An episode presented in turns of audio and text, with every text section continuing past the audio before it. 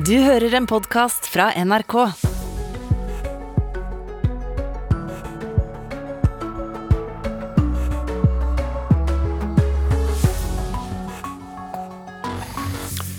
Ny uke, nye muligheter. God morgen. Nyhetsmorgen i NRK er på plass, og her er våre overskrifter nå i dag. Nok en uke med rødt nivå i den videregående skolen. Nå er det flere som har fått nok. Det virker liksom som at det på en måte alltid går utover oss bare fordi det er enklest. Og det har nok ikke blitt helt sånn som vi trodde videregående skulle bli. Uroen i Kasakhstan fortsetter. 164 mennesker er drept og over 2000 skadet til nå i eh, opptøyene. Fremskrittspartiet mener regjeringens strømstøtte ikke er eh, god nok. Foreslår nå å innføre makspris eh, på strøm til 50 øre kilowattimen for alle landets husstander. Og en rådvill Johannes Tingnes Bø reiste hjem etter helgens nedtur i Obroff. Jeg er tom for ideer. Jeg vet ikke hva jeg skal gjøre mer, så får bare håpe på et mirakel. Med eller uten mirakel blir uh, Nyhetsmorgen gjennomført helt frem til klokken uh, ni i dag med Ida Kjøstelsen og Birger Kolsrud Jåsund i studio. Og i dag starter altså norske videregående elever opp enda en skoleuke på rødt nivå. Den nasjonale påbudet betyr at det blir mye hjemmeundervisning i stedet for at elevene får komme på skolen. Men dette kan bli endret denne uka. Mange elever er slitne og lei av rødt nivå. Vi har jo ikke hatt noe smitte her. Det har vært noen enkelttilfeller, men da har det på en måte ikke blitt noe utbrudd. De har ikke smittet noen andre enn familien sin. På den videregående skolen til Jenny Buksrud er det rødt nivå. Ei endring av trafikklysmodellen er på vei, forteller statssekretær Halvard Hølleland. Vi har gitt nasjonale helsemyndigheter og utdanningsmyndigheter i oppdrag å lage et nytt såkalt gult nivå, sånn at man kan gå fra rødt til gult nivå med mer tilstedeværelse. Ja, Mer om dette skal vi høre etter klokka sju. Da får vi også kunnskapsminister Tonje Brenna i studio. Reportere her var Bjørne Østrem Jukastein. Det er registrert 4184 eh, koronasmittede i Norge det siste døgnet, og det er 1277 flere enn eh, samme dag i forrige uke. Og den siste uken er det i snitt registrert eh, nesten 6500 koronasmittede per dag her i landet. Tilsvarende snitt for den siste uken lå på noe over 3500, så trenden er stigende. Og så Myanmars avsatte regjeringssjef, eh, fredsprisvinner Aung San Suu Kyi, er dømt til ytterligere fire år i fengsel. En kilde opplyser til nyhetsbyrået AFP at hun eh, er funnet skyldig på to tiltalepunkter i saken, der hun er tiltalt for ulovlig import og besittelse av walkietalkier, og på ett punkt i saken der hun anklages for brudd på koronareglene. Aldri før har så mange nordmenn hatt aksjer. Med utgangen av eh, fjoråret så eide over en halv million nordmenn aksjer, altså nærmere bestemt 544 000 aksjer eller kapital, egenkapitalbevis eh, på Oslo Børs, og det kommer frem i Aksje-Norges rapport som er omtalt i Dagens Næringsliv. 36% av aksjonærene var under 40 år, og blant nye aksjonærer var 62% under 40 år. En dag etter at et fjellparti raste ut fra en klippevegg og traff flere små båter på en innsjø i Brasil, har antallet døde steget til ti. Det jobbes med å identifisere de døde, og dykkerne leter fortsatt i innsjøen i tilfelle det er flere omkomne. Politiet mener det er mulig at flere er savnet. Minst 32 personer ble skadd, men de fleste av dem var utskrevet innen lørdag kveld. Så til Fremskrittspartiets nye forslag. For eh, Fremskrittspartiet de fremmer i dag et forslag i Stortinget om å innføre makspris på strøm på 50 øre per kilowattime, både for private og for næringslivet. Partiet mener regjeringens strømstøtte med andre ord ikke er eh, nok, og tar derfor til orde for en makspris, sier energipolitisk talsmann Frank Sve. Og Det vi, vi ser nå, det er egentlig at regjeringa og staten eh, gjennomfører en, en strømskatt til folk flest. Da tar en altså titalls på titalls milliarder kroner i ekstra inntekter til staten pga. de skyhøye strømprisene. Og gir altså bare smuler tilbake til befolkningen. Det går ikke. En er nødt til å ha en, eh, en makspris. Når Frp foreslår makspris på 50 øre kilowattimen for strøm, skal ikke den prisen vare evig, sier Sve. Nei, den må bare vare inntil videre. Det er rett og slett fordi at det Er strømprisen over 50 øre, så er den for høy. Det er jo prisen i dag som er med å balansere markedet. Det ser Magnus Linjære, porteføljeforvalter i selskapet Entelios, et selskap under Agder Energi. Nå er jeg vel usikker på hvordan dette skal gjøres i praksis, men i alle fall hvis dette går inn i markedet som en pris, eller noe som påvirker etterspørselen eller tilbudet i markedet, så kan jo det gi utfordringer i forhold til de eh, partnerne som vi har knytta oss til i utlandet. Da. For eksempel? Nei, Vi er jo for det første en del av et nordisk marked. Eh, men det nordiske markedet er jo også koblet til Europa. Så, og flyten mellom landene den går jo basert på pris. Eh, så dersom vi skal ha en særegen makspris, så vil jo det ha påvirkning på hvordan flyten fungerer i markedet. da. Og Det betyr at en makspris på strøm for norske husstander må organiseres utenfor markedsprissystemet, for ikke å ødelegge nettopp strømmarkedet. Altså, Vi har jo en ordning i dag eh, med mm, strømstøtte nå i vinter, og det er jo en ordning som går gjennom netteier. Så det er jo noe som ikke berører markedsprisen sånn sett, da. Og Så er spørsmålet om en makspris ned på 50 øre kilowattimen tar bort all motivasjon for å spare strøm. I Fremskrittspartiet er de ikke redd for det, sier Frank Sve. Nei, den snittprisen de siste, siste 50 åra har vært på, på, litt overkant av 30 øre. Dette her er fortsatt en høy pris, men det er en pris et, og et nivå som kan være akseptabelt både for innbyggerne og næringslivet. Heller ikke Linjære tror motivasjonen for energisparing forsvinner med en makspris på 50 øre kilowattimen. Altså, jeg tror nok at pris er eh, noe som stimulerer til enøk. Men nå skal det sies at 50 øre er jo en eh, relativt høy pris, ser vi på historisk hva som er levert i Norge. Han ser en større fare i at aktører som vurderer å investere i ny energiproduksjon, frykter at prisen på strøm kan bli unaturlig lav. Det er klart, Hvis man fjerner oppsiden i pris, så vil jo det kunne begrense da investeringer i eh, ny produksjon. Og nå skal vi jo inn i eh, havvind. Og havvind blir vel sagt at det trenger en nesten opp mot en krone kilowattimen for å være lønnsom. Så det kan jo være med å påvirke på investeringssiden da, i ny produksjon. Reporter her, det var Bjørn Atli Gillestad.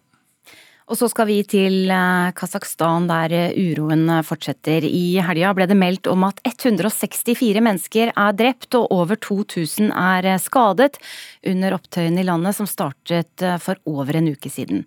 Nesten 8000 mennesker er fengslet etter opptøyene, ifølge justisministeren i landet. Internett skal nå være slått på igjen. Og Ivar Dale, seniorfagrådgiver i Den norske Helsingforskomité, god morgen. Du har selv bodd i Kasakhstan og kjenner landet godt, og myndighetene der slår altså knallhardt eh, tilbake mot eh, demonstrantene. Skyt for å drepe uten forvarsel, var beskjeden fra landets toppledere før helga. Hvordan er situasjonen i Kasakhstan akkurat nå? Nei, Som du sa, så er internett uh, slått tilbake på igjen. Det vi hører er at det skal komme nå for noen timer per dag. Eh, samtidig så kommer det rapporter om eh, veldig eh, hardhendt såkalte opprensningsaksjoner som pågår over hele landet. Hvor politi og sikkerhetstjenester går fra leilighet til leilighet og prøver å finne personer som har deltatt i demonstrasjonene. Grunnen til at internett har vært slått av, er jo fordi at kasakhstanske myndigheter ønsker å, å kontrollere narrativen om hva det er faktisk som har skjedd her. Eh, de stenger ute journalister fra landet. Eh, utenlandske journalister kommer ikke over grensa. Og dette med å slå av internett gjør jo òg at eh, videoer og sånt kommer, ikke kommer ut på samme måte som normalt. Men vet vi noe mer om de som har deltatt i protestene, hvem de er? Når eh, disse demonstrasjonene begynte vest i Kasakhstan eh, Dette var jo i en by, en liten småby som heter Janaozen, hvor det var en massakre som skjedde for ti år siden, akkurat på samme sted, med streikende oljearbeidere. Eh, der er det folk som er misfornøyde med, med først med bensinpriser, senere så har det gått over til å bli en, en protest mot regimet som sådan. Dette er et autoritært regime med en ekstremt høy grad av korrupsjon hvor eh, eliten i eh, hovedstaden eh, lever i luksus, mens vanlige folk ute på landsbygda har det vanskelig. Mm. Så har det vært voldelige elementer som har dukka opp innimellom protestene når det spredde seg til storbyen Almaty. Um, så er det jo sånn at Myndighetene i Kasakhstan påstår at dette har vært 20 000 banditter, som de sier, internasjonale terrorister. Alt dette er jo noe som eh, menneskerettighetsorganisasjoner og journalister ønsker å få sjekka ut sjøl, men det lar ikke myndighetene de gjøre. Så var det en spesiell historie i går, hvor en av disse som da myndighetene viste fram på video og påsto at da var en utenlandsk trent eh, banditt fra Kirgisistan, han viste seg jo da å være en kjent jazzmusiker hjemme i, i, sitt hjemland. Han ble jo straks gjenkjent på video av folk der, og det har nå ført til store protester i nabolandet Kirgisistan. Mm. Eh, eh, det har utviklet seg til en kamp på liv og død, dette her. Eh, hva med vanlige folk som bor i Kasakhstan, støtter de protestene? Ja, det er mange vanlige folk i Kasakhstan som synes at regimet er Selvfølgelig eh, at, at, at, det er en eh, urettferdig fordeling av eh, goder i dette landet. Som er trøtte av at opposisjonen f.eks. får ikke delta i valg. Uavhengige aviser blir stadig konfiskert og lagt ned. Dette er jo noe som myndighetene der de hevder jo ofte at, at demokratiet må utvikle seg sakte, og at det er på en måte begrunnelse for å ha et autoritært regime. Eh, det er jo vi selvfølgelig helt uenig i. Det, er ingenting, det vil ikke koste de noe å tillate en fri presse eller tillate opposisjonen å være med i valg. Nå har jo internett tilbake, som vi hørte, men hvilke arbeidsforhold har de som ønsker å rapportere fra det som skjer på gatene nå i Kasakhstan? Hva slags arbeidsforhold jobber de under? Eh, ja, det er fortsatt eh, farlig eh, å bevege seg ute, i hvert fall om kvelden, tror jeg, i Almaty. Så det er lite. Jeg ser at folk nå har begynt å bevege seg ut. Det er butikker som har begynt å åpne. En del har jo vært lenge i leilighetene sine uten å få kjøpe inn matvarer, så folk har begynt å bevege seg. Og noen modige journalister er ute og tar bilder. Der ser en jo skrekkelige bilder med døde i gatene i eh, Almaty osv. Mm. Og så hører vi også at nabolandene, bl.a. Russland, har sendt militære styrker nå for å hjelpe myndighetene. Hva betyr det for det som skjer videre, at bl.a. Russland nå har sendt militære styrker? De sier jo at eh, de styrkene fra denne mm, forsvarsalliansen, dette er jo en slags postsovjetisk versjon av Nato, Eh, som nå på overraskende vis brukes for å, for å uh, ordne opp i en internt anliggende i Kasakhstan. Uh, de skal jo da brukes til å sikre strategiske objekter i landet. Samtidig så ser en jo at ledelsen for disse styrkene nå er en, en kar som har erfaring fra den russiske okkupasjonen av Krim fra de tsjetsjenske krigene, fra Syria osv. Så, videre. så dette er jo folk som det er, det, det uventa å skulle se hamle opp med vanlige gateprotestanter. Så det, jeg tror det er, det er jo fare for at dette vil gå veldig brutalt for seg, hvis dette skal nå opprensningsaksjoner av den typen som det tidligere fantes i Nord-Kaukasus f.eks. Det er jo eh, brutalt ofte. Mm. Ivar Dale, seniorfagrådgiver i Den norske Helsingforskomité, takk skal du ha. Etter eh, fem måneder med usikkerhet, sju uker med forhandlinger og en anmeldelse av Sohail Amadi, nå er nå Sohail Amadi gjenforent med sin familie i Afghanistan. Og jeg veit hva du tenker, jeg. Hvem er Sohail Amadi, tenker du. Ok, Spol tilbake til torsdag 19. august 2021 i kaoset ved den internasjonale flyplassen i Kabul. Der løfter to foreldre sitt yngste barn opp fra folkemengden og gir det til soldatene som sikrer porten inn til terminalområdet. Husker du det bildet? Den babyen, det er Sohail Ahmadi. Og siden den dagen har folk over hele verden lurt på hva som skjedde med han, og med god grunn. Det var så å si ingen som visste hvor babyen ble av. Det ble lett, og det ble lett over hele flyplassen, og foreldrene de ble evakuert fra flyplassen og sendt til USA, og der sto saken. Babyen var borte, og foreldrene var borte. Men her kommer en 29 år gammel taxisjåfør inn i bildet. Han finner babyen forlatt på bakken. Han prøver å spore opp foreldrene, men til ingen nytte. Taxisjåføren, Safi, han har fra før av kone og tre døtre, har plass til en sønn. En familie på fem blir altså seks nå. Men i USA, der sitter familien Amadi og fortviler uten sitt femte barn. Og nok en gang, i november går historien om Sohail Ahmadi verden over, med bilder av gutten. Og noen lurer på om det nye barnet til taxisjåføren kan være ham. Det tipses. Bestefaren til babyen kommer i kontakt med taxisjåføren. Forhandlinger gjennomføres i sju uker, med Taliban og politiet involvert. Og til slutt med litt penger over eller under bordet, kan barnet gjenforenes, i hvert fall med sin bestefar i første omgang. Fortsatt skiller over 10 000 km foreldre fra baby, men det ordner seg nok.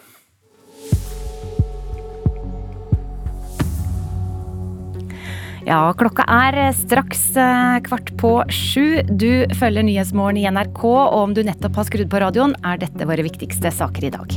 Nok en uke med rødt nivå i den videregående skolen. Nå har eh, flere av skoleelevene fått nok. Og Fremskrittspartiet er ikke fornøyd med regjeringens strømstøtte. Foreslår å innføre makspris på strøm til 50 øre kilowattimen for alle landets husstander. 80% av topplederne i Helse Nord bor ikke engang i landsdelen. Svært urovekkende, sier fylkesrådsleder.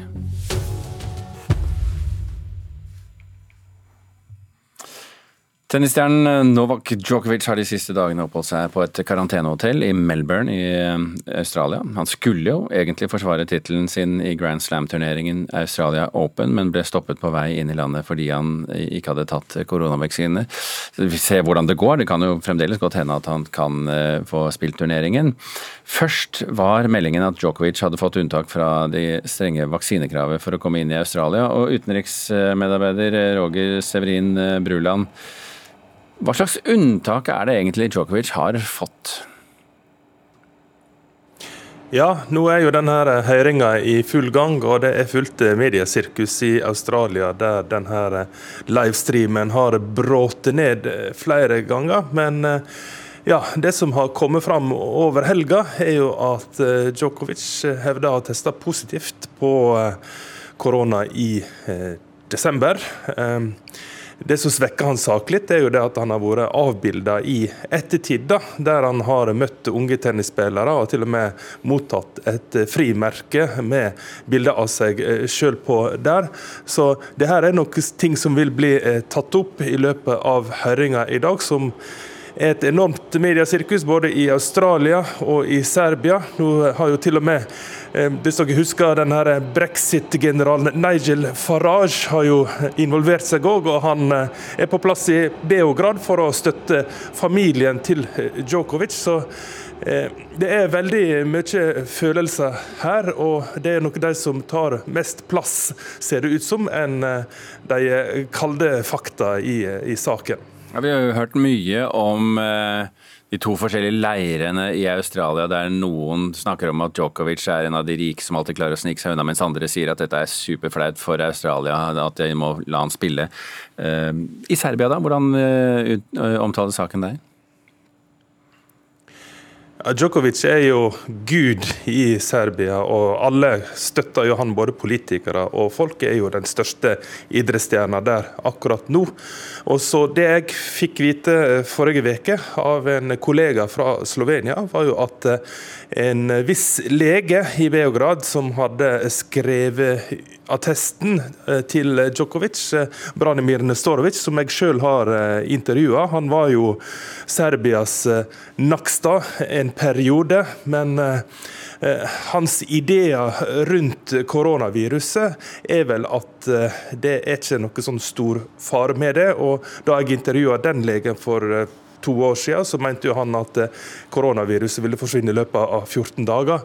Eh, og det er klart at Hvis en har en australsk ambassade i Beograd og har funnet ut hvem som har skrevet under på den attesten, så kan det nok være grunn til å gå den eh, litt i sømmene, også med tanke på at Djokovic har vært avbilda etter at den testen skal ha vært positiv.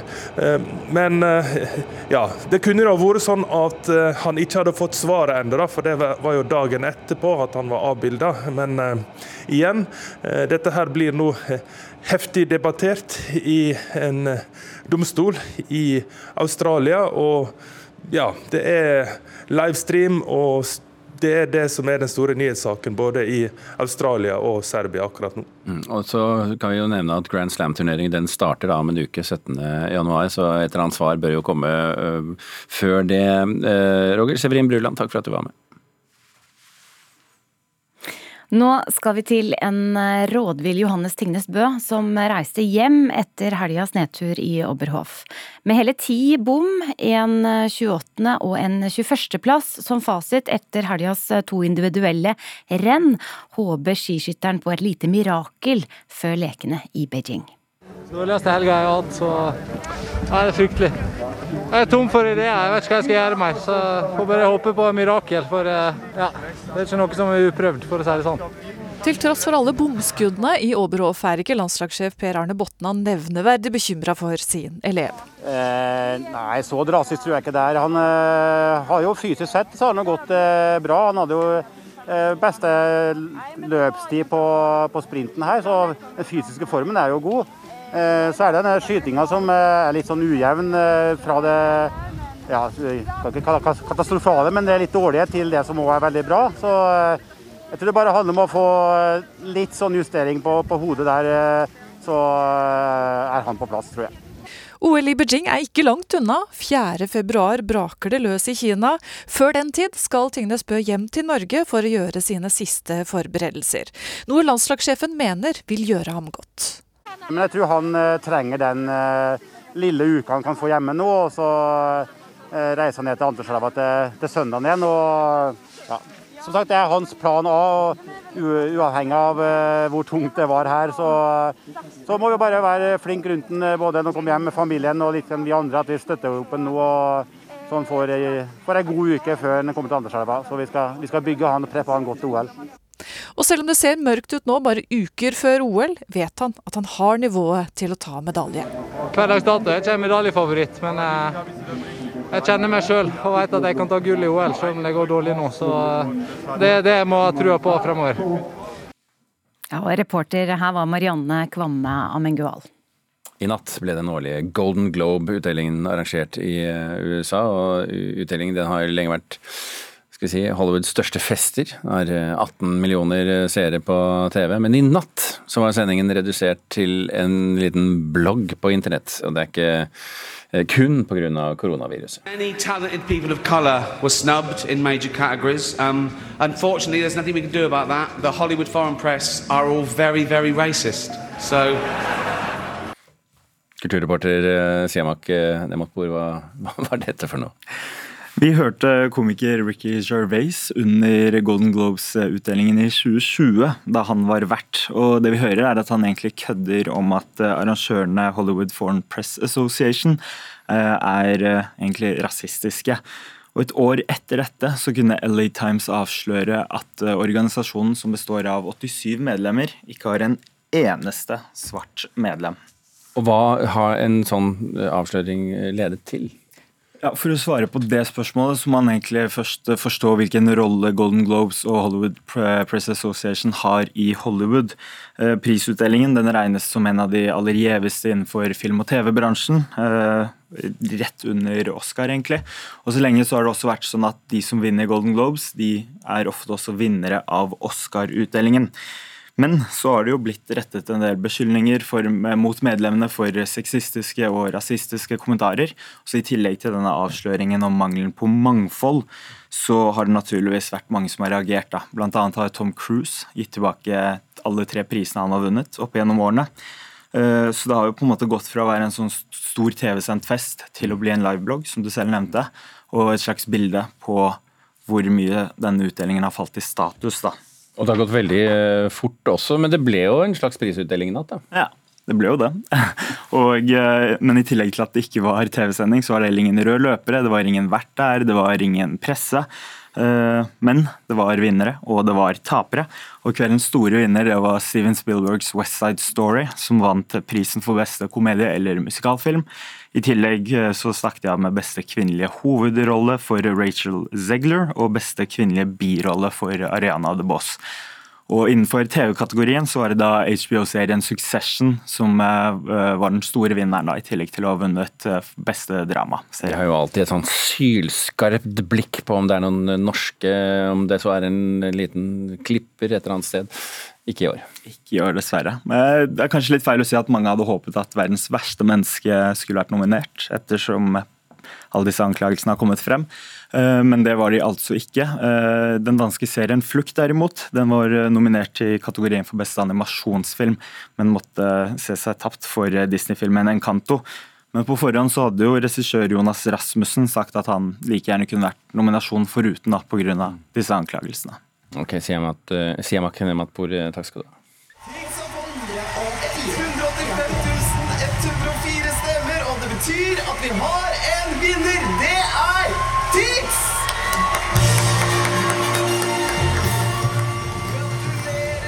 Ja, vi går fra um, film og serier til musikk, for vi hørte her øyeblikket da Tix ble utropt som vinner av Melodi Grand Prix i fjor. Hvem skal ta over stafettpinnen etter ham og forsvare Norges ære i den italienske byen Torino i mai? Snart eh, kommer vi et skritt nærmere å finne ut av det, for i dag avsløres artistene som skal kjempe om seieren i Melodi Grand Prix 2022. Jeg har så store forventninger. Det kommer til å bli så bra. Og jeg er sjukt gira.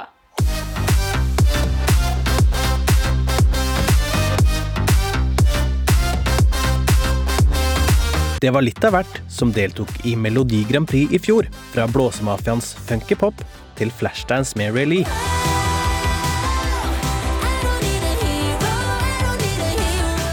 Vi har møtt blodfan Victoria Torskanger, som kommer til å sitte klistra til TV-skjermen når årets Grand Prix-deltakere blir avslørt. Det er jo årets høydepunkt. Og flammer, pyro, konfetti, masse bra sanger. Det blir jo bare superstemning.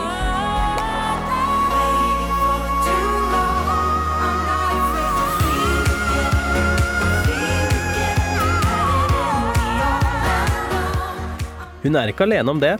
Styreleder i EEC Norge, Mandy Pettersen, er også mildt sagt engasjert. Jeg gleder meg så ekstremt at jeg klarer nesten ikke sitte stille. Jeg er så spent på å se uh, nummer, farger, flotte kjoler og kostymer. Det er som julaften, nyttårsaften, påske og sommerferie på én gang. Jeg er så klar! Spenningen var til å ta og føle på under fjorårets finale.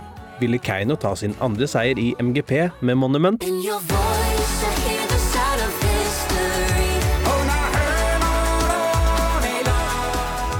Eller ville det bli Tix med Fallen Angel?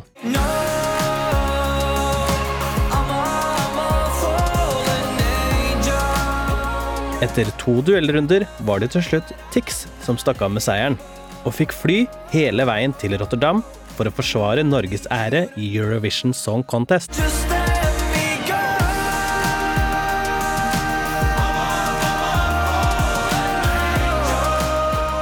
I semifinalen var det Norge som ble lest opp som første land videre til den store finalen. The first country that is guaranteed a place in the grand final is Norway! Men i finalen måtte Tix og Norge ta til takke med 75 poeng og en 18.-plass. Det var til slutt Italia og Måneskinn som smelta Europas hjerter og tok seieren.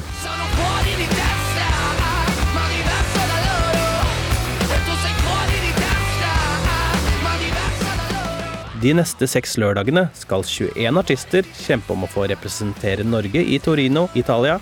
Men hva skal egentlig til for å overbevise 200 millioner TV-seere om at norsk musikk er best? Du må appellere til alle. Altså, du må fenge alle i alle aldre. Og så må det skille seg ut. Så det tror jeg blir kjempeviktig å finne noe som er litt unikt.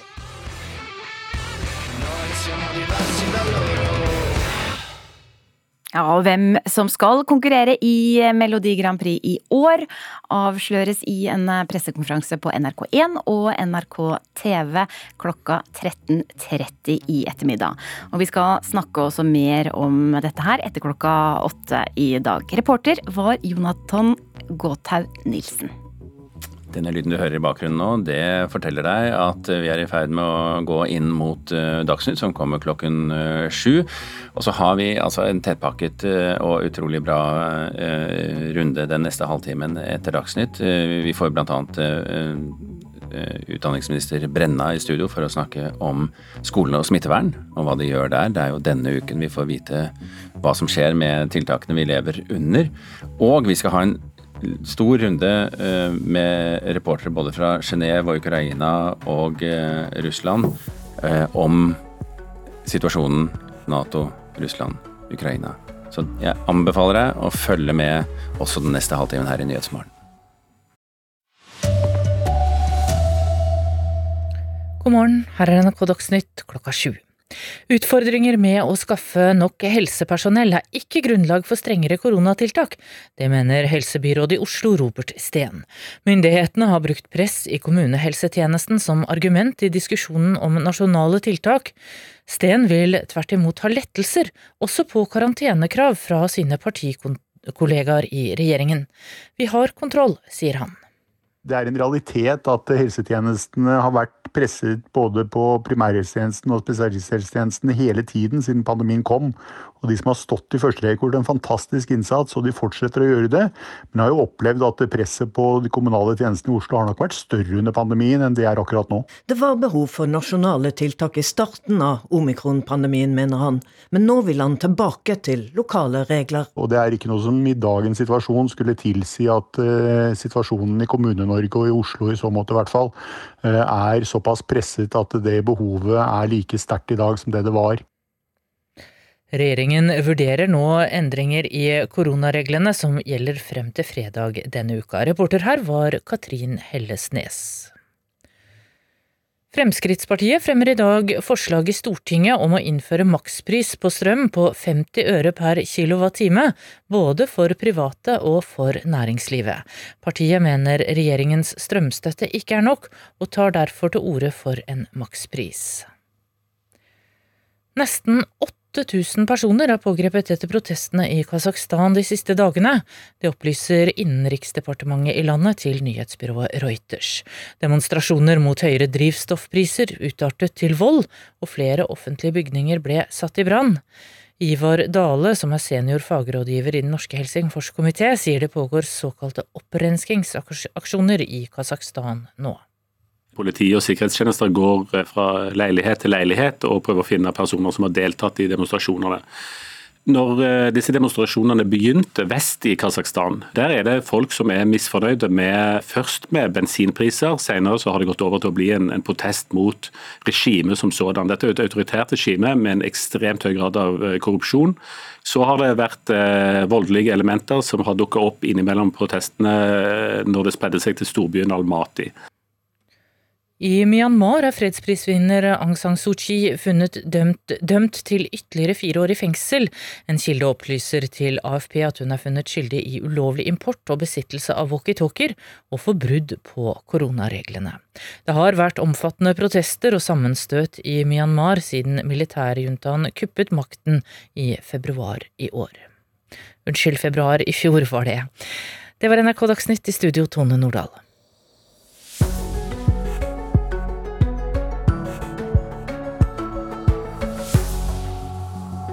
Klokka er tre minutter over sju. Du hører Nyhetsmorgen i NRK, og dette er overskriftene våre i dag.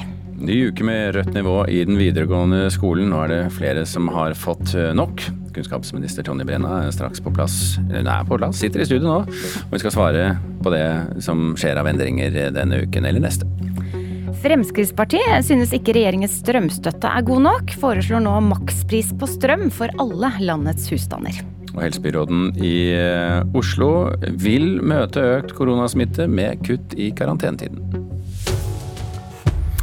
Og så fortsetter møtene rundt den kritiske situasjonen i eh, Ukraina. Det er møter i Genéve i dag, og vi skal etter hvert høre fra våre folk som er på plass i henholdsvis Genéve, Ukraina og eh, Russland.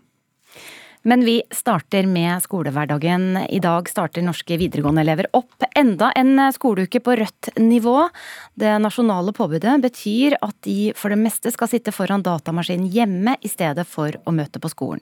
Men undervisning på rødt nivå får store konsekvenser for elevene, og de lurer nå på hvorfor det skal være slik. Vi har jo ikke hatt noe smitte her. Det har vært noen enkelttilfeller, men da har det på en måte ikke blitt noe utbrudd. De har ikke smittet noen andre enn familien sin, så vidt jeg vet. Og da var det veldig sånn sjokk for oss når vi gikk liksom fra grønt nivå og har levd helt normalt til at det ble rødt.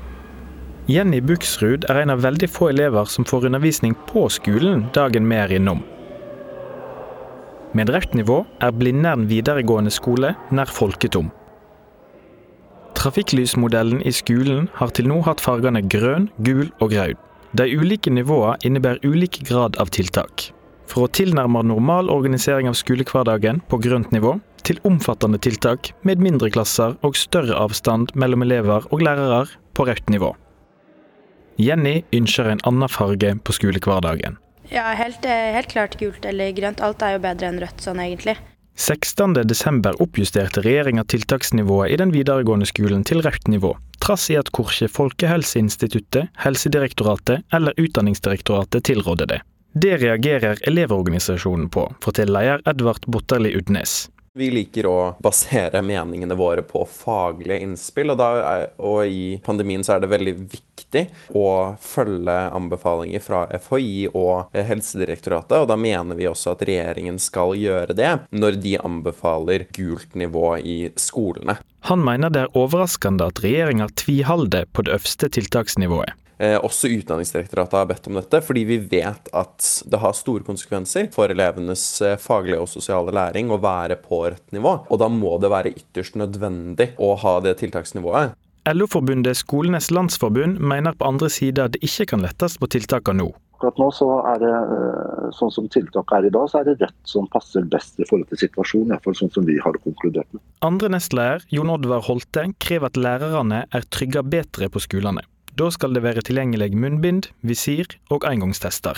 Absolutt alt sammen er på plass før de i hele tatt begynner å vurdere å gå vekk fra rødt på videregående skole. Da. Og helst vente til vaksinedose tre er på plass. da.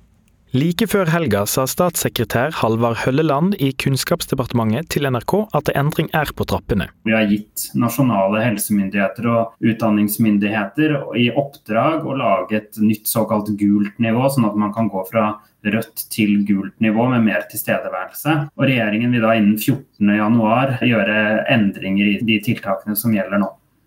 Tilbake på Blindern videregående skole kjenner avgangseleven Jenny seg nedprioritert. Det virker liksom som at det på en måte alltid går utover oss bare fordi det er enklest å stenge videregående, for vi har ikke noen foreldre som har passet på oss hjemme osv. Og, og vi går jo glipp av mye viktig sosialt. Det har nok ikke blitt helt sånn som vi trodde videregående skulle bli.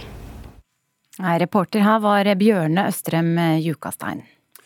Kunnskapsminister Tonje Brenna, god morgen. God morgen. Blir nivået satt ned til gult allerede i løpet av denne uken? Vi er jo i gang med den vurderinga, og så tror jeg vi skal huske på at situasjonen da vi innførte rødt var jo ganske annerledes enn det den er nå. Vi hadde en ny virusvariant som vi visste lite om. Nå veit vi mer. Vi kommer til å ha bedre tilgang på tester, og flere vil være vaksinert i samfunnet rundt oss. Så målet er å ta ned tiltakene så mye vi kan på hele utdanningssektoren. Hva innebærer det? Ja, målet er som sagt å sørge for at barn og unge har en mest mulig normal hverdag. Jeg tenker at Rødt nivå, nivå på videregående er jo det mest inngripende vi gjør overfor den elevgruppa, så det er definitivt et sted å virkelig ta tak. Og så må vi se på hvilke anbefalinger vi får fra helsemyndighetene og vurdere det opp mot målet om minst mulig tiltak på barn og unge. Men dere har jo allerede fått råd fra helsemyndighetene som sier at rødt nivå på videregående ikke er nødvendig? Det har jo vært krevende å organisere gult nivå på videregående, fordi at på videregående så har man eh, programfag og flere klasser møter møtes i enkeltfag og sånn. Så det å begrense nærkontakten, eller antall nærkontakter eh, på videregående er litt litt an, en litt annen kabal enn det det er i grunnskolen. Eh, men nå eh, har, som statssekretæren min også var inne på, vi gitt i oppdrag å vurdere hvordan dette kan gjøres bedre. Og så som sagt håper jeg at vi får råd som gjør at vi kan gå vekk fra så strenge tiltak for de elevene. Men Betyr det da at dere må gjøre endringer i hva det innebærer å, å være på gult nivå for at dere syns videregående skal passe inn der? Nei, jeg tror det viktigste vi gjør framover, er å bruke de mulighetene vi har med bedre tilgang på tester. Det at elevene tester seg jevnlig er jo et nyttig bidrag for å få kontroll med smitte og oppdage smitteutbrudd tidlig. Så jeg håper jo at vi kan gjøre eh, enda større lettelser egentlig enn det vi kunne den gangen testkapasiteten var lavere, ved at vi har flere tester på plass fra neste uke. Mm. Og hva eh, gir oss grunn til å tro at dere har nok tester eh, tilgjengelig for elevene? Nå har det jo blitt bestilt opp eh, jevnt og trutt mange millioner tester som er eh, både delvis i Norge og på vei til Norge, sånn at testkapasiteten i landet kommer til å være en annen fra neste uke. Og det er jo godt nytt for eh, ansatte og elever i skolen, fordi mm. det å teste jevnlig i skoler, det er det veldig mange land som gjør, med stort hell, fordi man klarer å få kontroll med smitten. Og jeg håper jo at vi også kan gjøre det i større grad i Norge. Nå har det jo vært eh, vanlig å teste på tirsdager og fredager, eh, i hvert fall på en del skoler. Eh, blir det testing hver dag for videregående elever? Jeg tror dette kommer til å variere avhengig av smittetrykket på den enkelte skole og i den enkelte kommune. Noen steder er jo er det lite smitte, og da er det kanskje aktuelt å teste mindre, mens andre steder er det mer. Og, så, og det å ha jevn tilgang til tester, også hvis det skulle komme utbrudd, sånn at man raskt får kontroll med de, det er viktig. Mm. Så tester er egentlig noe av nøkkelen her for å få lettet på tiltakene for barn og unge.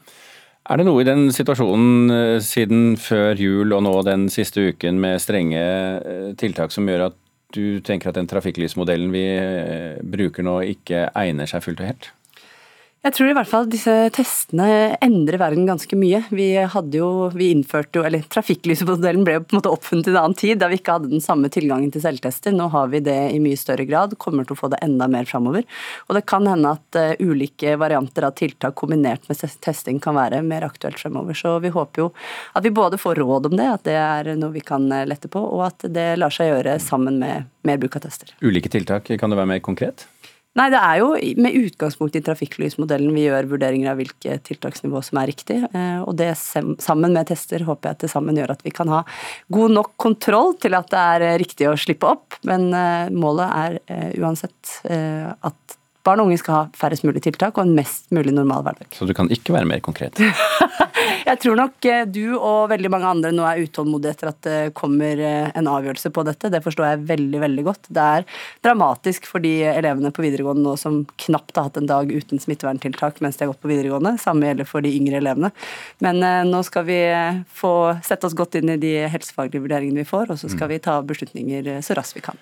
Men bare for å, trøkke litt på det til slutt her, Tonje Brenna. Er det grunn Siden dere nå ikke uh, fulgte faglige råd uh, fra deres egne direktorater i forrige runde, er det noen grunn til å tro at dere skal gjøre det nå? Hvis de fremdeles står på at det ikke er nødvendig med rødt nivå i videregående skole? Ja, med, med, de rådene som kom fra helse, så var rådet gult nivå. Så påpekte Utdanningsdirektoratet at det er krevende å gjøre for videregående. Og det er nettopp det spennet vi nå har prøvd å eh, jobbe litt med i de ukene som har gått, for å prøve å finne en bedre løsning på.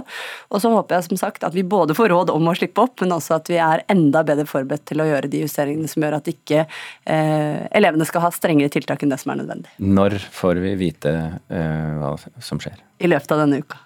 Før fredag, med andre ord? Vi får se. Men eh, vi jobber så raskt vi kan. Og statsministeren har jo sagt eh, ved flere anledninger at vi skal ikke ha strenge tiltak en dag lenger enn nødvendig. Så vi kommer til å fatte en beslutning så raskt vi kan. Og så må den også være god og basert på de rådene vi får. Så som sagt, vi kommer med en avgjørelse så fort vi kan. Kunnskapsminister Tonje Brenna, takk for at du var med i Nyhetsmorgen. Utfordringer med å skaffe helsepersonell er ikke grunnlag for strengere koronatiltak. Det mener helsebyråd Robert Steen i Oslo. Myndighetene har brukt press i kommunehelsetjenesten som argument i diskusjonen om nasjonale tiltak. Steen vil tvert imot ha lettelser, også på karantenekrav. Vi har kontroll, sier han. Det er en realitet at helsetjenestene har vært presset både på primærhelsetjenesten og spesialisthelsetjenesten hele tiden siden pandemien kom. Og de som har stått i første rekke, gjort en fantastisk innsats, og de fortsetter å gjøre det. Men har jo opplevd at presset på de kommunale tjenestene i Oslo har nok vært større under pandemien enn det er akkurat nå. Det var behov for nasjonale tiltak i starten av omikron-pandemien, mener han. Men nå vil han tilbake til lokale regler. Og det er ikke noe som i dagens situasjon skulle tilsi at uh, situasjonen i Kommune-Norge og i Oslo i så måte i hvert fall, uh, er såpass presset at det behovet er like sterkt i dag som det det var. Regjeringen vurderer denne uken koronatiltakene som gjelder fram til fredag. I et intervju i NRKs Nyhetsmorgen før helgen viste helseminister Ingvild Kjerkol til en presset situasjon i kommunehelsetjenesten. Det er 172 kommuner som har meldt at de har kapasitetsutfordringer og mangler personell. Så det er en situasjon vi er nødt til å ivareta gjennom denne vinteren. Oslo er en av de 172 kommunene. Larvik er en annen. De har for tiden et sykefravær på 20% og en vesentlig del skyldes karantener, sier ordfører Erik Bringedal fra Høyre. For oss som kapasitet, være seg i helsesektoren eller i skolesektoren, så spiller det for så vidt ikke noen rolle om folk er smitta eller om de er nærkontakter. De er i hvert fall ikke i stand til å utføre sine arbeidsoppgaver. Og det er det som vi må planlegge for. Vurderinger av om karantenereglene bør endres, overlater han helst til fagfolk. I hvert fall min filosofi nå i disse snart to åra som dette har holdt på, er at uh, jeg tror man gjør klokt i å følge det som er medisinskfaglige vurderinger og anbefalinger. Tilbake i Oslo mener Stene at det er på tide å oppheve den nasjonale skjenkestoppen, og heller legge inn begrensninger, f.eks. For, for skjenketid. I videregående skole bør man gå fra rødt til gult nivå. Han vil altså ha lettelser, selv om det kan føre til økt smitte, og viser til budskapet fra helsetopper om at de fleste av oss må regne med å bli smittet etter hvert. Og I en sånn situasjon så kan det godt hende at eh, det er også noe godt i å oppleve litt høyere smittetall akkurat i denne perioden hvor vi alle har fått en oppfriskningsdose, og hvor det ikke er så lenge siden vi fikk den. Kanskje vi er bedre i stand til som samfunn å stå imot smitten når den da spres, på et litt høyere nivå enn det som er i dag. Så det er ikke sikkert at det er en helt ueffen utvikling. Men økt smitte betyr flere i karantene. Sten mener at siden omikron ikke gir like alvorlig sykdom som delta, kan kortere karantene løse noe av denne utfordringen. Hvis vi nå eh, går inn i en situasjon hvor smitten går opp, hvor karanteneringen gjør at eh, vi legger beslag på kritiske samfunnsressurser, så mener jeg at vi bør redusere karantenetiden. Ja, Det sa Robert Steen, helsebyråd i Oslo, reporter var Katrin Hellesnes. Lilja Sølvesvik, eh, programleder i Politisk kvarter i dag. Eh, det er vel ikke sånn veldig feil hvis jeg gjetter at eh, dette også blir tema der? På ingen måte, og heldigvis får vi statsminister Jonas Gahr Støre på besøk i dag. Han har fryktelig mange spørsmål å svare på etter helgens mange utspill om, om koronaviruset og hva regjeringen har tenkt å gjøre. Det jeg har tenkt å spørre han om, det er jo rett og slett om vi nå går mot en mer normal hverdag, siden han har en finansminister som sier at eh, det må bli slutt på denne skjenkestoppen. Han har en kunnskapsminister som åpenbart ber fagmyndighetene om å tilrettelegge for at man ikke lenger skal være på rødt nivå på videregående skole.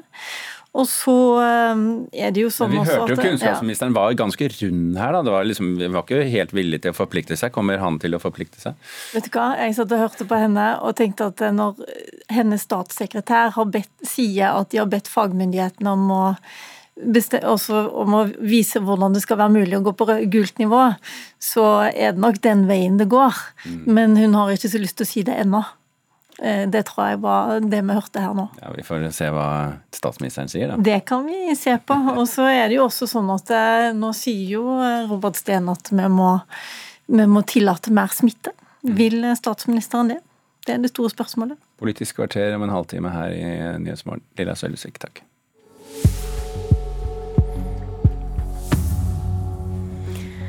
Klokka er 17 minutter over sju, og du hører Nyhetsmorgen i NRK. Ny uke med rødt nivå i den videregående skolen. Nå er det flere som har fått nok, og kunnskapsminister Tonje Brenna, som var her i studio for noen minutter siden, hun sa at de vil bort fra rødt nivå i videregående skole. Så får vi se i løpet av noen dager om det blir sånn eller ikke.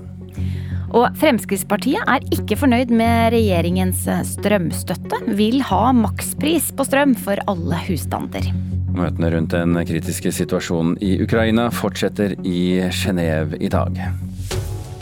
Og det er en slags stafettpinne i dag. Ja, for to viseutenriksministre fra USA og Russland møtes til en arbeidsmiddag i går kveld i Genéve for å snakke om den spente situasjonen mellom Russland og Ukraina. Og reporter Gro Holm i Genéve, vet vi noe om hvordan dette første møtet gikk i går? Ja, lite grann vet vi. For det amerikanske utenriksdepartementet sendte ut en uttalelse i går der de eh, sa at eh, viseutenriksminister Wendy Sherman gjorde det klart at hun ikke ville snakke med Russland om europeisk sikkerhet uten at europeerne var til stede. Og så gjentok hun det som er sagt før, at alle frie og suverene stater må få velge sin allianse selv, altså Nato i dette tilfellet. Og den russiske viseutenriksministeren, Sergej Ryabkov, han sa at disse samtalene kommer til å bli vanskelige, og at amerikanerne må forberede seg på å inngå kompromiss. Ja, vi skal straks tilbake til deg, Gro Holm, men først så skal vi også til Ukraina og kollega Morten Jentoft. For Han sitter nå nemlig på toget fra Kiev til Donbass-regionen for å rapportere derfra eh, for oss. Men før toget lukket dørene for et par timer siden, så, så tok vi en prat med ham og spurte ham bl.a. om hva folk i Ukraina sier om den russiske styrkeoppbyggingen i grenseområdene.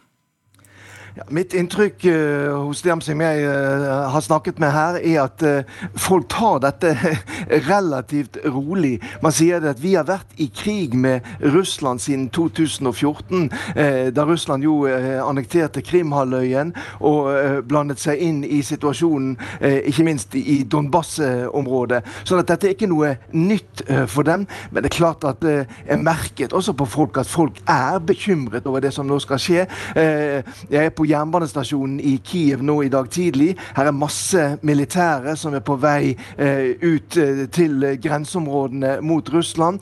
Sånn at det, det er nok en nasjon dette her som, eh, som forbereder seg på det verste. Du er jo selv i ferd med å, å reise mot Donbass-regionen. Hva sier de som bor der om det russerne driver med nå? Ja, eh, de, siste meldingene som jeg leste nå i dag tidlig fra de ukrainske styrkene der borte, forteller at det er relativt rolig, hvis vi skal kunne bruke et sånt begrep. Eh, to brudd på våpenhvilen eh, det siste døgnet. Én ukrainsk soldat lettere skadet. Dette er altså mindre enn det man er vant til, men likevel så forteller de jo at det er en, en spent situasjon der borte fremdeles, til tross for at det ble inngått en våpenhvile før, før, jul.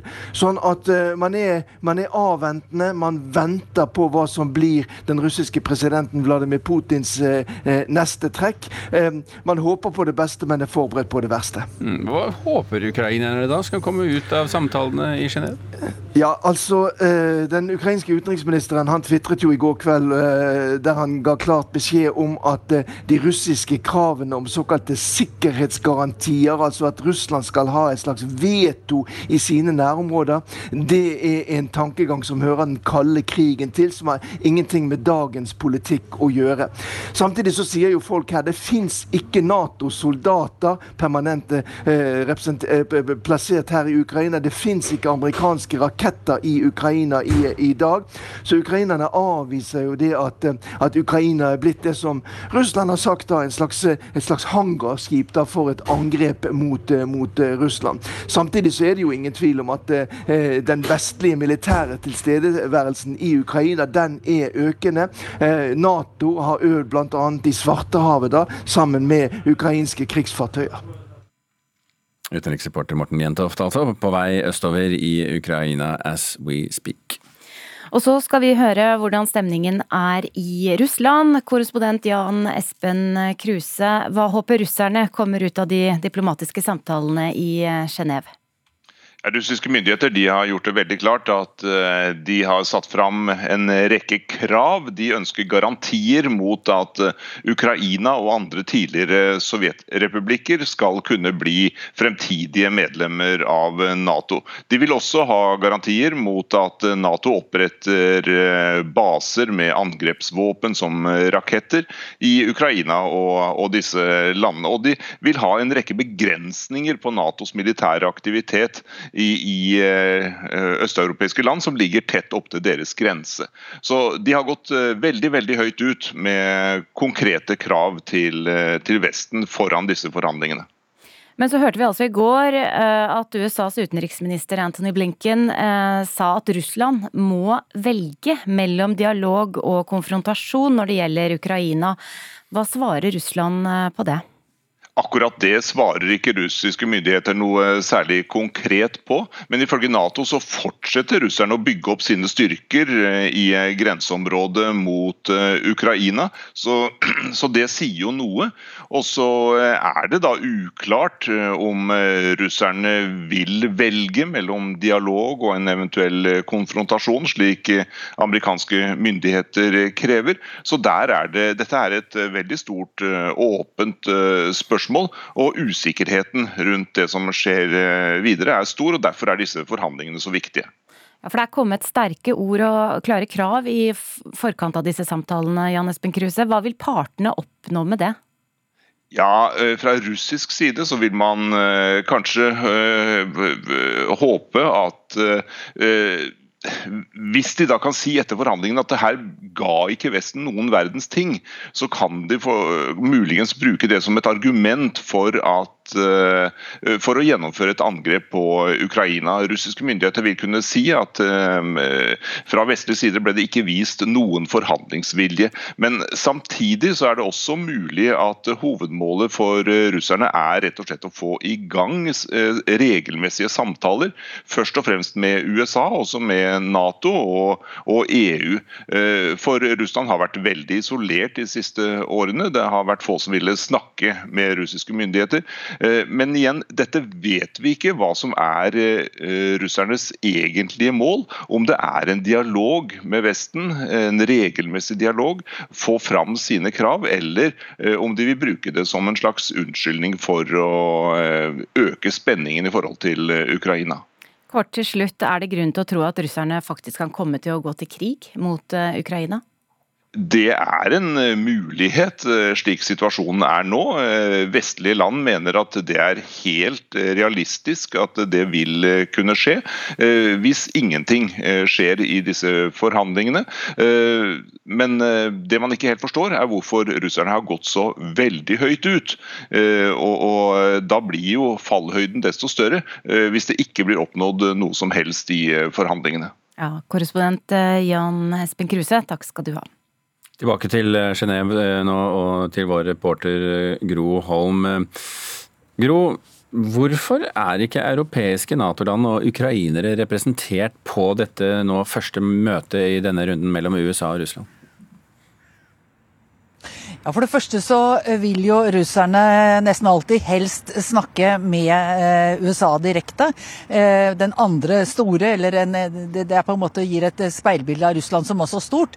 Men i denne situasjonen så har de virkelig fått det til, nettopp fordi de jo har mobilisert så store styrker, og fordi Nato og vestlige land er så usikre på hva de egentlig har tenkt å gjøre, er oppriktig engstelige for krig. Så, så nå har USA USA sagt ja til å komme. Og så er det eh, protesterte bl.a. Eh, Frankrikes utenriksminister i går. Ukrainerne har kritisert at ikke de også sitter ved bordet. Men det er jo også i praksis da veldig vanskelig å forhandle effektivt hvis det sitter 30 eh, land på den ene siden av bordet og Russland på det andre. Så dette er med håp om at man skal få til noe som kan hindre at det utvikler seg til en større krig. Men hva er realistisk å håpe at man kan få ut av disse møtene, da? Jeg tror det mest realistiske, og det gjelder nå snakker jeg om alle møtene som skal være denne uka her, det er hvis man kunne blitt enige om å fortsette å snakke, og da bli enige om en mer begrenset dagsorden enn det Russland ønsker å eh, snakke om.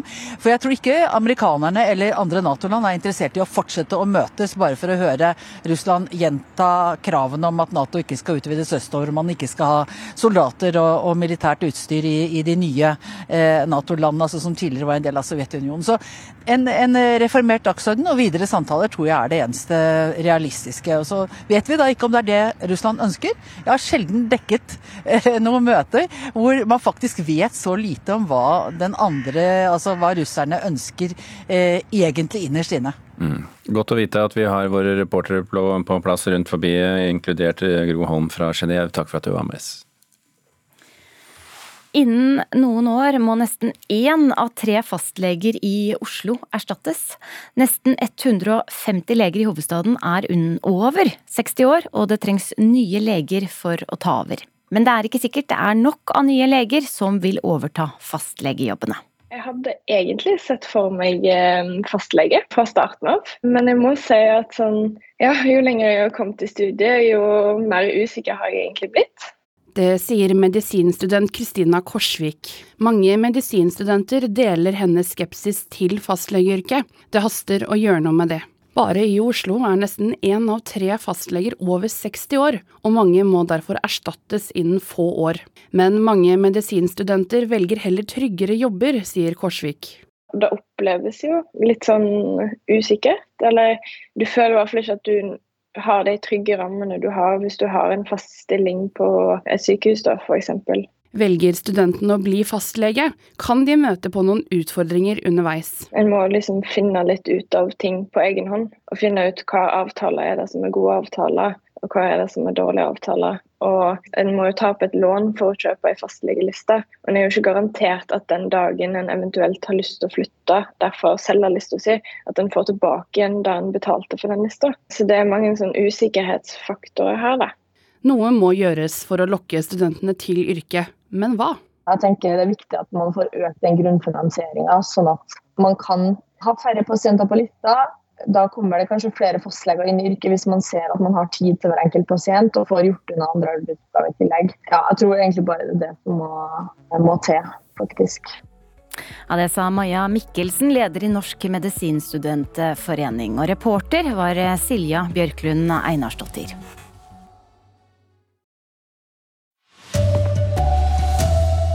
Regjeringen vil vekk fra rødt nivå på videregående skole. Elevene er slitne og lei seg. Det virker liksom som at det på en måte alltid går utover oss bare fordi det er enklest. Og det har nok ikke blitt helt sånn som vi trodde videregående skulle bli. Helsebyråden i Oslo vil ha kortere karantenetid hvis koronasmitten øker.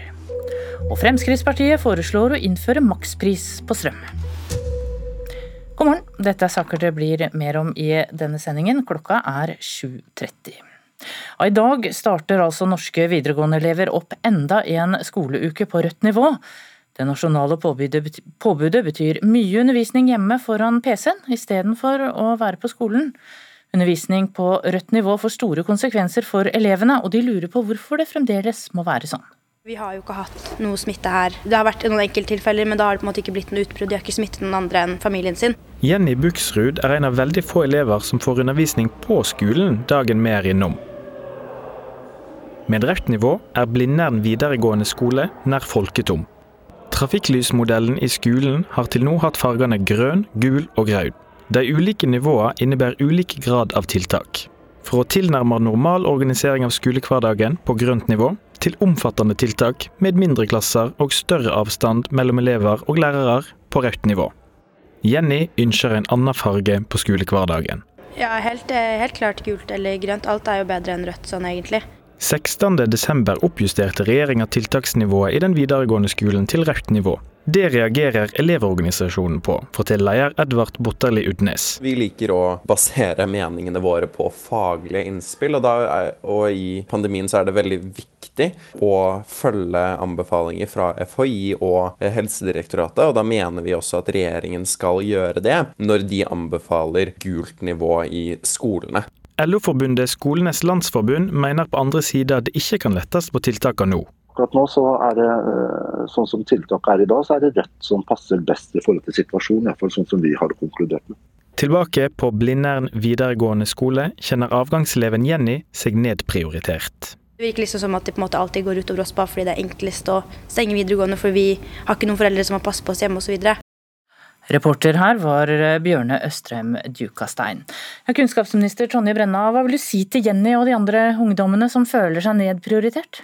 Jeg skjønner Jenny veldig godt. Hun er del av en gruppe som er veldig flinke til å vaksinere seg, f.eks., og som er, har hatt veldig strenge tiltak over tid. Så mitt mål er som Jennys mål, nemlig minst mulig tiltak for barn og unge i det videre. Ja, Går dere vekk fra rødt nivå når tiltakene endres denne uka? Nå får vi nye faglige råd fra helse, og så vil vi vurdere de nøye. Men målet er å ta ned tiltakene, og da tenker jeg med rødt nivå i videregående at det er et veldig naturlig sted å begynne.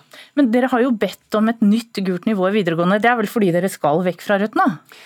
Det er eh, en helt annen tilgang på tester, selvtester, i det videre. Det kommer også til å endre måten vi trenger å innrette tiltaksnivåene på skolene våre på. Veldig mange land tester jo skoleelever mer enn det vi har gjort i Norge til nå. Så det er også en del av det bildet. Og disse tingene til sammen, flere er vaksinert, bedre tilgang på tester, og også eh, det at vi nå skal få en ny vurdering, eh, peker jo i retning av at vi kan lette på tiltakene overfor barn og unge. Men vi kommer til å ta våre beslutninger i løpet av uka, så vi får vente og se litt til. Du sier dere skal se på faglige råd nå, men dere fulgte jo ikke faglige råd sist dere gjorde endringer for videregående elever?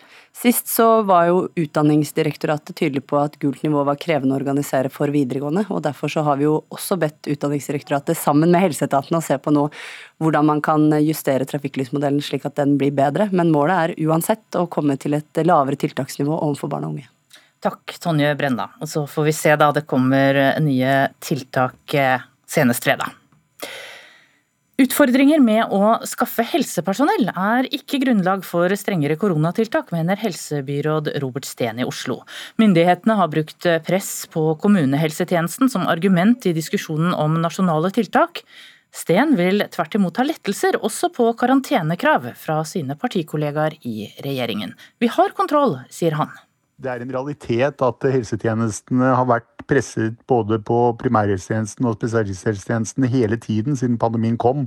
Og de som har stått i førsterekke, har gjort en fantastisk innsats, og de fortsetter å gjøre det. Men har jo opplevd at presset på de kommunale tjenestene i Oslo har nok vært større under pandemien enn det er akkurat nå. Det var behov for nasjonale tiltak i starten av omikronpandemien, mener han. Men nå vil han tilbake til lokale regler. Og det er ikke noe som i dagens situasjon skulle tilsi at uh, situasjonen i Kommune-Norge og i Oslo i så måte i hvert fall, uh, er såpass presset at det behovet er like sterkt i dag som det det var. Oslo er en av de 170 72 kommunene som har rapportert om utfordringer med tilgang på helsepersonell. Helsedirektoratet har pekt på særlig press i byområder med høy smitte, som Oslo og Viken. Vi har kontroll, og alle våre tjenester er åpne, og alle våre tjenester leveres eh, i veldig stor utstrekning sånn som det skal. Steen oppfordrer regjeringen til å oppheve den nasjonale skjenkestoppen og gå fra rødt til gult nivå i videregående skole. Kortere karantener kan løse noe av utfordringen med økt smitte, mener han. Hvis vi nå eh, går inn i en situasjon hvor smitten går opp, hvor karanteneringen gjør at eh, vi legger beslag på kritiske samfunnsressurser, så mener jeg at vi bør redusere karantenetiden. Reportere her Katrin Hellesnes og Lilla Sølesvik. Og statsminister Jonas Gahr Støre får spørsmål om regjeringens koronatiltak i Politisk kvarter på P2 om ti minutter. Den russiske styrkeoppbyggingen på grensen til Ukraina har ført til intens møtevirksomhet de siste dagene, og i dagene fremover. I går møttes to viseutenriksministre fra USA og Russland til en arbeidsmiddag i Genéve, og i dag fortsetter de to stormaktene sine møter. Utenriksreporter Gro Holm, du er også i Genéve. Hva er det Russland vil oppnå med disse forhandlingene? Ja, Det vet vi ikke sikkert, og verden er faktisk genuint usikkert. Eh, enten så er det da å fortsette en dialog, og det må da i så fall bli med en mer begrenset dagsorden enn det de har eh, ønsket, nemlig at Nato ikke skal utvides videre østover. Eller så er det å skaffe seg et påskudd for å gå eh, tyngre inn i Ukraina med russiske soldater. Hva konkret kan komme ut av møtet i dag? Ja, Det man kanskje kan bli enige om, det er å eh, føre videre mer begrensede diskusjoner. og eh, Amerikanske medier har skrevet om at USA eh, kan være villig til å diskutere begrensninger i militære øvelser, og den framtidige eh, strukturen, si, eller ikke-strukturen når det gjelder kjernefysiske mellomdistansevåpen i Europa. Altså begrense det. Den avtalen man hadde fra 1987, den, den er, gjelder jo ikke lenger. Så skal jo det være flere møter seinere senere i uka. Nato-Russland-rådet, hvor det er mange mange flere til stede, møtes onsdag. Og så møtes man i Organisasjonen for sikkerhet og samarbeid i Europa. Takk, Gro Holm. Fremskrittspartiet fremmer i dag forslag i Stortinget om å innføre makspris på strøm på 50 øre per kilowattime, både for private og næringslivet. Partiet mener regjeringens strømstøtte ikke er nok, sier energipolitisk talsmann Frank Sve. Og Det vi, vi ser nå, det er egentlig at regjeringa Eh, og staten eh, gjennomfører en, en strømskatt til folk flest. Da tar en altså titalls på titalls milliarder kroner i ekstra inntekter til staten pga. de skyhøye strømprisene. Når Frp foreslår makspris på 50 øre kilowattimen for strøm, skal ikke den prisen vare evig, sier Sve. Nei, den må bare vare inntil videre. Det er jo prisen i dag som er med å balansere markedet. Det ser Magnus Linjære porteføljeforvalter i selskapet Entelios, et selskap under Agder Energi. Hvis dette går inn i markedet som en pris, eller noe som påvirker etterspørselen eller tilbudet i markedet, så kan jo det gi utfordringer i forhold til de ehm, partnerne som vi har knytta oss til i utlandet. Da. For eksempel? Nei, Vi er jo for det første en del av et nordisk marked. Og flyten mellom landene den går jo basert på pris. Så dersom vi skal ha en særegen makspris, så vil jo det ha påvirkning på hvordan flyten fungerer i markedet. da. Og Det betyr at en makspris på strøm for norske husstander må organiseres utenfor markedsprissystemet. for ikke å ødelegge nettopp strømmarkedet. Altså, vi har jo en ordning i dag eh, med mm, strømstøtte nå i vinter, og det er jo en ordning som går gjennom netteier. Så det er jo noe som ikke berører markedsprisen sånn sett, da. Og Så er spørsmålet om en makspris ned på 50 øre kilowattimen tar bort all motivasjon for å spare strøm. I Fremskrittspartiet er de ikke redd for det, sier Frank Sve. Dette her er fortsatt en høy pris, men det er en pris og et, et nivå som kan være akseptabelt både for innbyggerne og næringslivet. Reporter her var Bjørn Atle Gildestad. Og så har det kommet melding om at verdens beste tennisspiller Novak Djokovic får slippe ut fra karantenehotellet i Australia. Det har en dommer i landet nettopp slått fast. Djokovic ble nektet innreise fordi han ikke er vaksinert mot koronaviruset. En talsmann for regjeringen sier de fortsatt kan velge å nekte Djokovic innreise til Australia. Ansvarlig for Dagsnytt i dag er Ulf Tannes Fjell. I studio Tone Nordahl.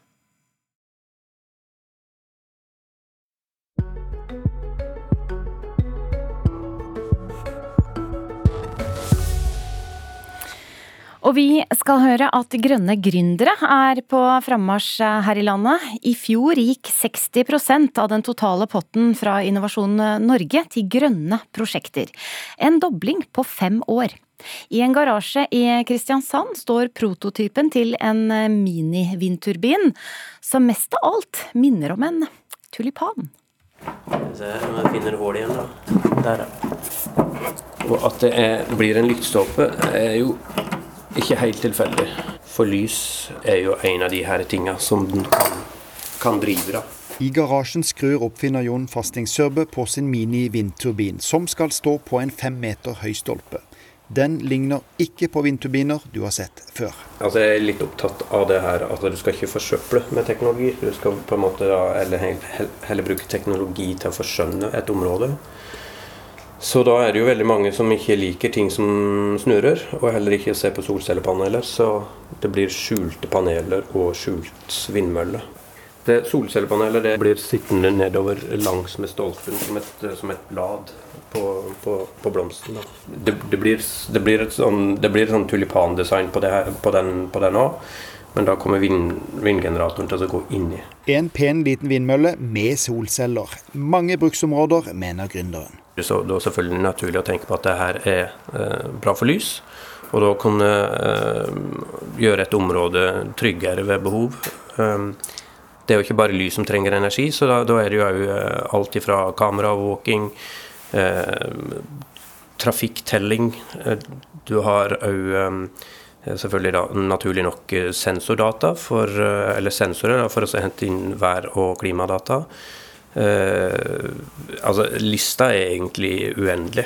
Det kan egentlig komme helt ned til noe så enkelt som eh, en, å, å sikre f.eks. hytta di, at ikke, den, at ikke vannet fryser f.eks. Han representerer en gründer som ser muligheter med sin kompetanse og har et brennende ønske om å være med og, og gjøre noe i det grønne skiftet. Og så begynner han med å forfine denne ideen sin og utvikle produktet sitt. Innovasjon Norge bekrefter at grønne prosjekter fosser fram. I 2021 gikk 60% av all støtte, eller 5 milliarder kroner, til grønne prosjekter. En dobling av grønnandelen på fem år. Sveinung Hofstad leder Region Agder. Dette er jo et svar på det grønne skiftet. Og Vi ser jo helt tydelig nå at myndighetskrav, konsumentforventninger og, og gjør at eh, bedriftene må hjem og tenke på sine forretningsmodeller og utvikle nye eh, prosjekter og produkter i tråd med hva som kommer eh, og hva som kan selges etter hvert. Så det er helt naturlig. Og etter hvert så kommer dette til å bli grønt over hele linja. Så når den roterer, så ser du den roterer her, så der er det da en sånn der coil med fullt av magneter som sitter ligger og genererer en strøm. En halv million kroner og mentorhjelp fra Innovasjon Norge gjør at Sørbø nå kan gå ut i markedet etter investorer. Som sagt så er jeg opptatt av at ting skal ikke bare ha en funksjon, men at det også skal se fint ut. da. Så for andre mener om jeg har god smak. Ja, reporter her var Eirik eh, Damsgaard. Og ifølge tall eh, NRK har henta inn, var det i 2019 at andelen grønne prosjekter passerte halvparten av den totale potten til Innovasjon Norge.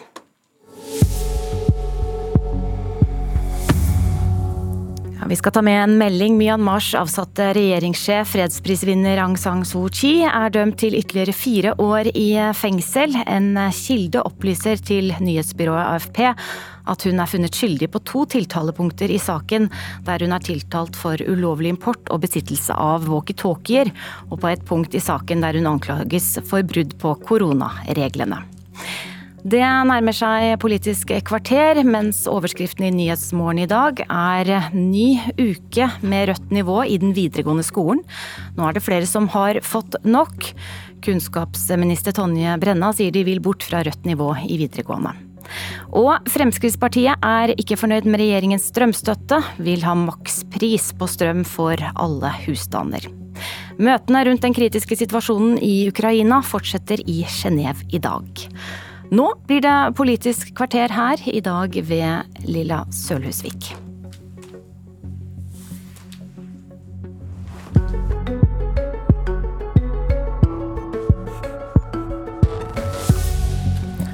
Nå er de fleste vaksinert, færre er innlagt på sykehus. Alt tyder på at det nye viruset ikke var så farlig likevel. Uansett, ifølge fagfolkene skal vi nå alle gjennom dette viruset. Kan vi gå tilbake til normalen da? Velkommen til Politisk kvarter, statsminister Jonas Gahr Støre. Tusen takk. Rundt de tusen frokostbord sitter nå elever og studenter som skal ha digital undervisning. Voksne skal ha hjemmekontor, bortsett fra de som jobber i restauranter og reiseliv, selvfølgelig, for de har knapt eh, jobb å gå til pga. skjenkestoppen.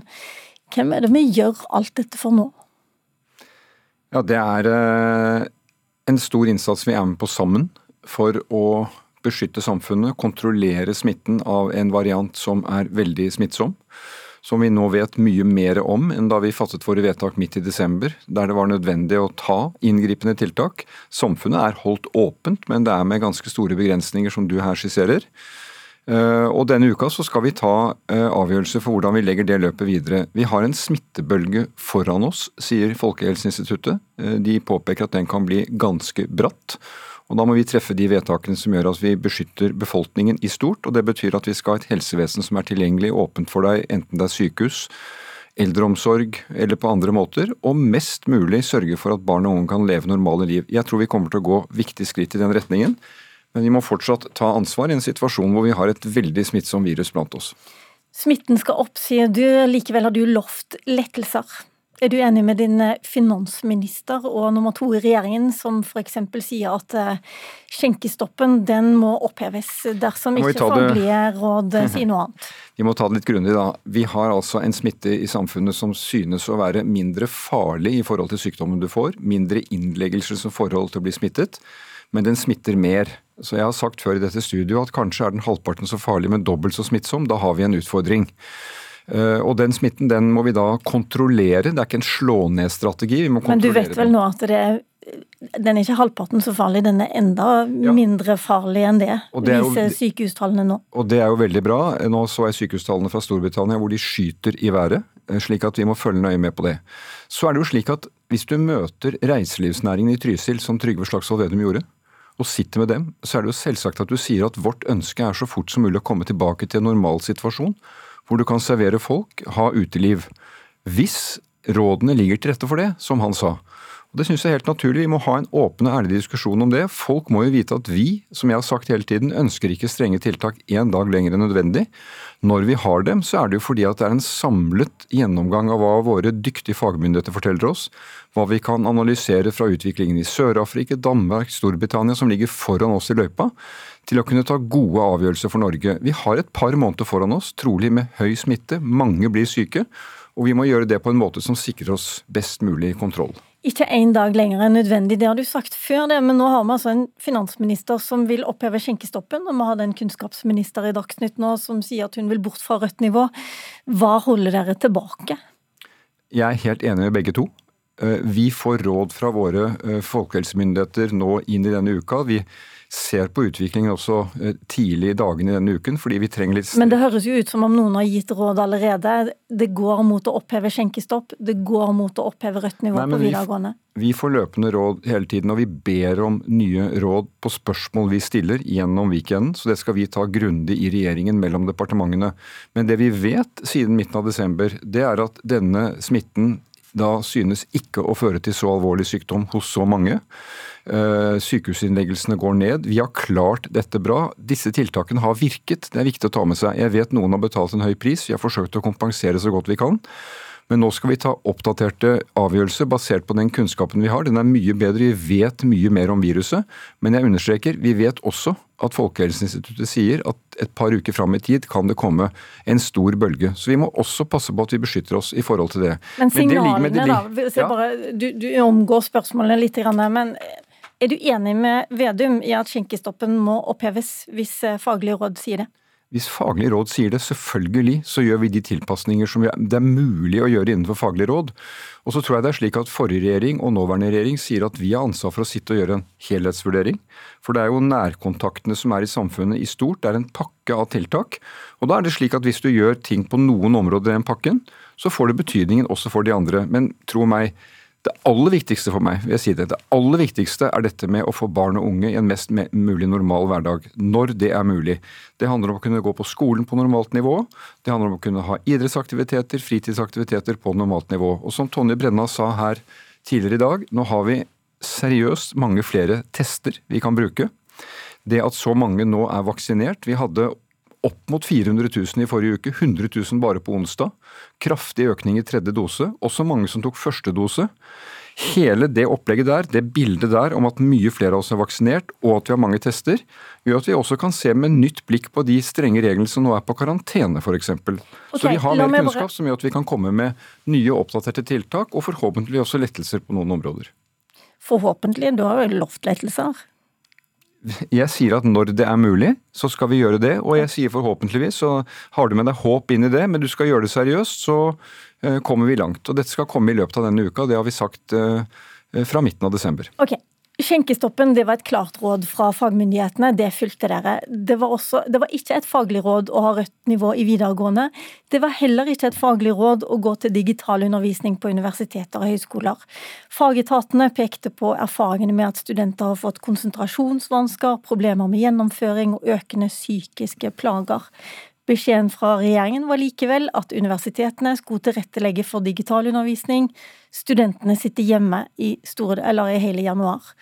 Hvorfor følger dere faglige råd om skjenkestopp, men ikke på råd som skulle skjerme de unge? Nå sa vi veldig tydelig fra at campus skal være åpen. Det skal være mulig å komme på campus, men det skal være tilrettelegging for digital undervisning. Eh, veldig mange av de tingene vi kom med i uh, desember, var jo anbefalinger og råd, uh, mindre inngripende. Beskjeden ut var å tilrettelegge for digital ja, det, undervisning. Ja, men det var også at man skulle gjennomføre undervisning som var smittevernfaglig tilrådelig. Husk på at dette var råd vi da ga i en situasjon som var i midten av desember, med det bildet vi hadde da, den, den utfordringen vi hadde, og, og hvor poenget var å få kontakten mellom mennesker som reiser i transport, som samler seg i trange områder, få den kontakten ned. Men du har jo sagt, i likhet med Erna Solberg som sa det i halvannet år, at det, det viktigste er å skjerme unge, barn og unge. Og det dere gjør nå, det er å ikke følge faglige råd når det gjelder ungdommer. Nei, Jeg mener vi har fulgt faglige råd på det området. Nå har jo vi sagt fra mange dager siden at dette trafikklyssystemet for skolene bør vi gå gjennom på ny. Det har jo Tonje Brenna vært i front på. Og øh, Vårt mål er jo så fort som mulig å kunne komme til grønt nivå på skolene, normal virksomhet på universitetene, med utstrakt testing. Det har vi mye bedre forutsetninger for i dag. Men det man lurer på er jo litt sånn at ok, hvis det kommer en ny virusvariant, da stenger skolene og universitetene først øh, også da? Nei, det vil ikke jeg si. Nå har jo helseministeren sagt det at vi jobber grundig med å ha en plan og en strategi for møtet med en slik ny mulighet. For det er mulig at det kan komme en ny mutant som kan være også mer alvorlig enn den vi har nå. Da må vi ha tiltak vi kan sette i gang som også beskytter barn og unge mest mulig. Men jeg tror vi må være klar over at Kommer det et smittsomt virus som treffer samfunnet vårt, så er det ingen sektor som blir uberørt av det. Og jeg har lyst på å si at uh, det kommer ønsker og krav om å lette på tiltakene fra alle de som blir berørt av tiltakene. Det forstår jeg, det lytter jeg til. Og jeg ønsker mer enn noen at vi kommer tilbake igjen til en helt normal situasjon. Men hvis vi slipper smitten løs ukontrollert, i forhold til helsevesenet, i forhold til det som skjer i samfunnet, så er det de svakeste som blir rammet hardest. Det er barn og unge, det er de som har særskilte behov. Så det er jo de som trenger beskyttelsen fra et velfungerende helsesystem, bl.a. La oss komme litt eh, tilbake til det litt senere. Men du har vært opptatt av at nesten halvparten av kommunene melder at de har utfordringer med å finne nok folk til viktige jobber. Nå er det riktignok bare fem av dem som sier at det er kritisk, men eh, en av, de, en av de kommunene som sliter, det er Kristiansund, bekrefter kommuneoverlegen der. Vi skal høre litt på han. Omikron har nå forandra gamet her fullstendig. Det dreier seg ikke primært om alvorlig sykdom og sykehusinnleggelser, men det dreier seg om masse folk i isolasjon og karantene, og det gir store konsekvenser for kommunen. Vi må ha folk til å brøyte veiene og til å ta godt vare på våre eldre i sykehjem. Så vi må nødt å bremse den smittebølga her. Og alle storbyene har utfordringer med å finne personell til viktige jobber, også ifølge Helsedirektoratets oversikt.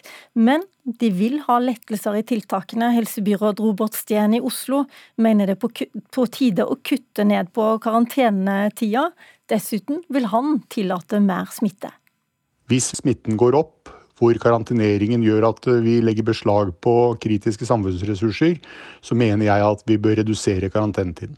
Omikronsmitten er nok så smittsom, også overfor de av oss som har tatt alle de vaksinene som vi skal ta, at de fleste av oss må oppleve å bli smittet, men at det ikke er så farlig. Og i en sånn situasjon så kan det godt hende at eh, det er også noe godt i å oppleve litt høyere smittetall akkurat i denne perioden hvor vi alle har fått en oppfriskningsdose, og hvor det ikke er så lenge siden vi fikk den. Kan til og med hende at vi kommer oss fortere og bedre ut av koronasituasjonen som en konsekvens av det. Støre har eh, Robert Steen eh, i Oslo et poeng her. Eh, kan alle disse tiltakene forlenge pandemien, faktisk?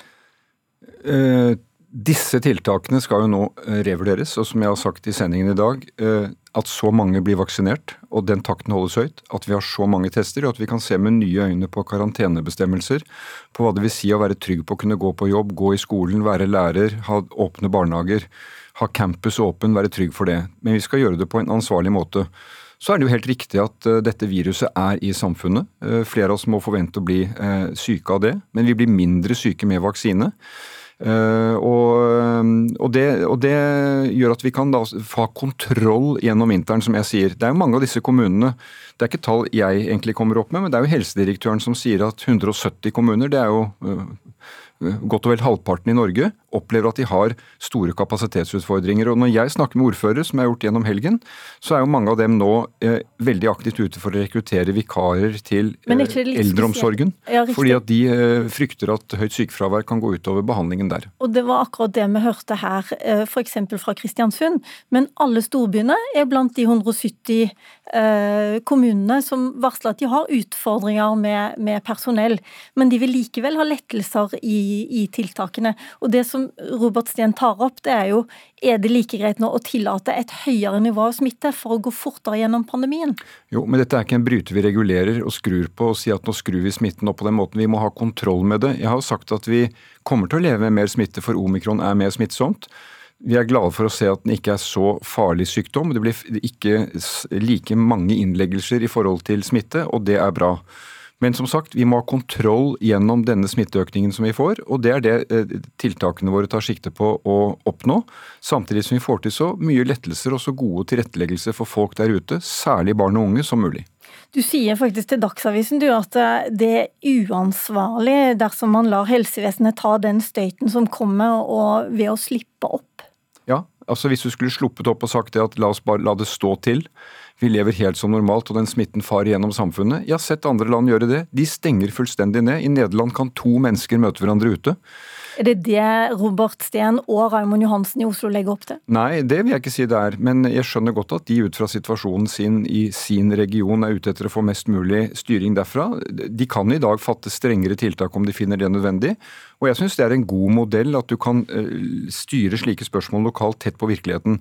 Men når du har et virus som smitter så fort mellom deler av landet, så var det jo slik i midten av desember at mange kommuner ba om nasjonale tiltak for det var vanskelig å håndtere det selv.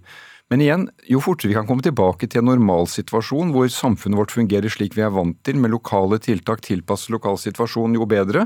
Men jeg går ikke raskere i den retningen hvis vi opplever at det setter samfunnet vårt eh, i fare. Helsevesenet vårt gjør det for utsatt, og igjen kan føre til at du får nedstengninger som går utover jobbene til folk, og ikke minst at de barn og unge blir skadelidende. Ok, Hvis skjenkestoppen skal oppheves, hvis eh, skolene skal eh, tilbake på gult eller grønt nivå, eh, og hvis man kanskje opp, opphever denne regelen med 50, maks 50 på eh, arrangementer også, så sitter du igjen med ganske få tiltak. Eh, hva vil du gjøre da? Koronasertifikat? Nei, vi må tiltak. Det må vi tenke mer på. Det er, det er mange spørsmål rundt koronasertifikat som gjør at det kommer ikke som et vedtak denne uken. Det må vi utrede nærmere. Men jeg kommer tilbake igjen til det. Det er ikke snakk om bare om å lette på tiltak og la det stå til. Vi har nå mye mer kunnskap. Vi har mye flere tester. Vi er mye mer vaksinert. Det er det som gir rom til å si at vi kan kontrollere smitten. Eh, og det er den store oppgaven. Den skal ikke slås ned, den skal kontrolleres. Og da er det på tide nå å se gjennom tiltakene våre, og det er også grunnlag for å kunne justere en god del av dem. Vi venter i spenning. Eh, senest eh, fredag eh, blir det endringer i tiltakene, men det blir vel en pressekonferanse før det. Men koronasertifikat det kommer i hvert fall ikke denne uka. Tusen takk skal du ha, Jonas Gahr Støre, statsminister. Mitt navn er Lilla Sølhusvik. Du har hørt en podkast fra NRK. De nyeste episodene hører du først i appen NRK Radio.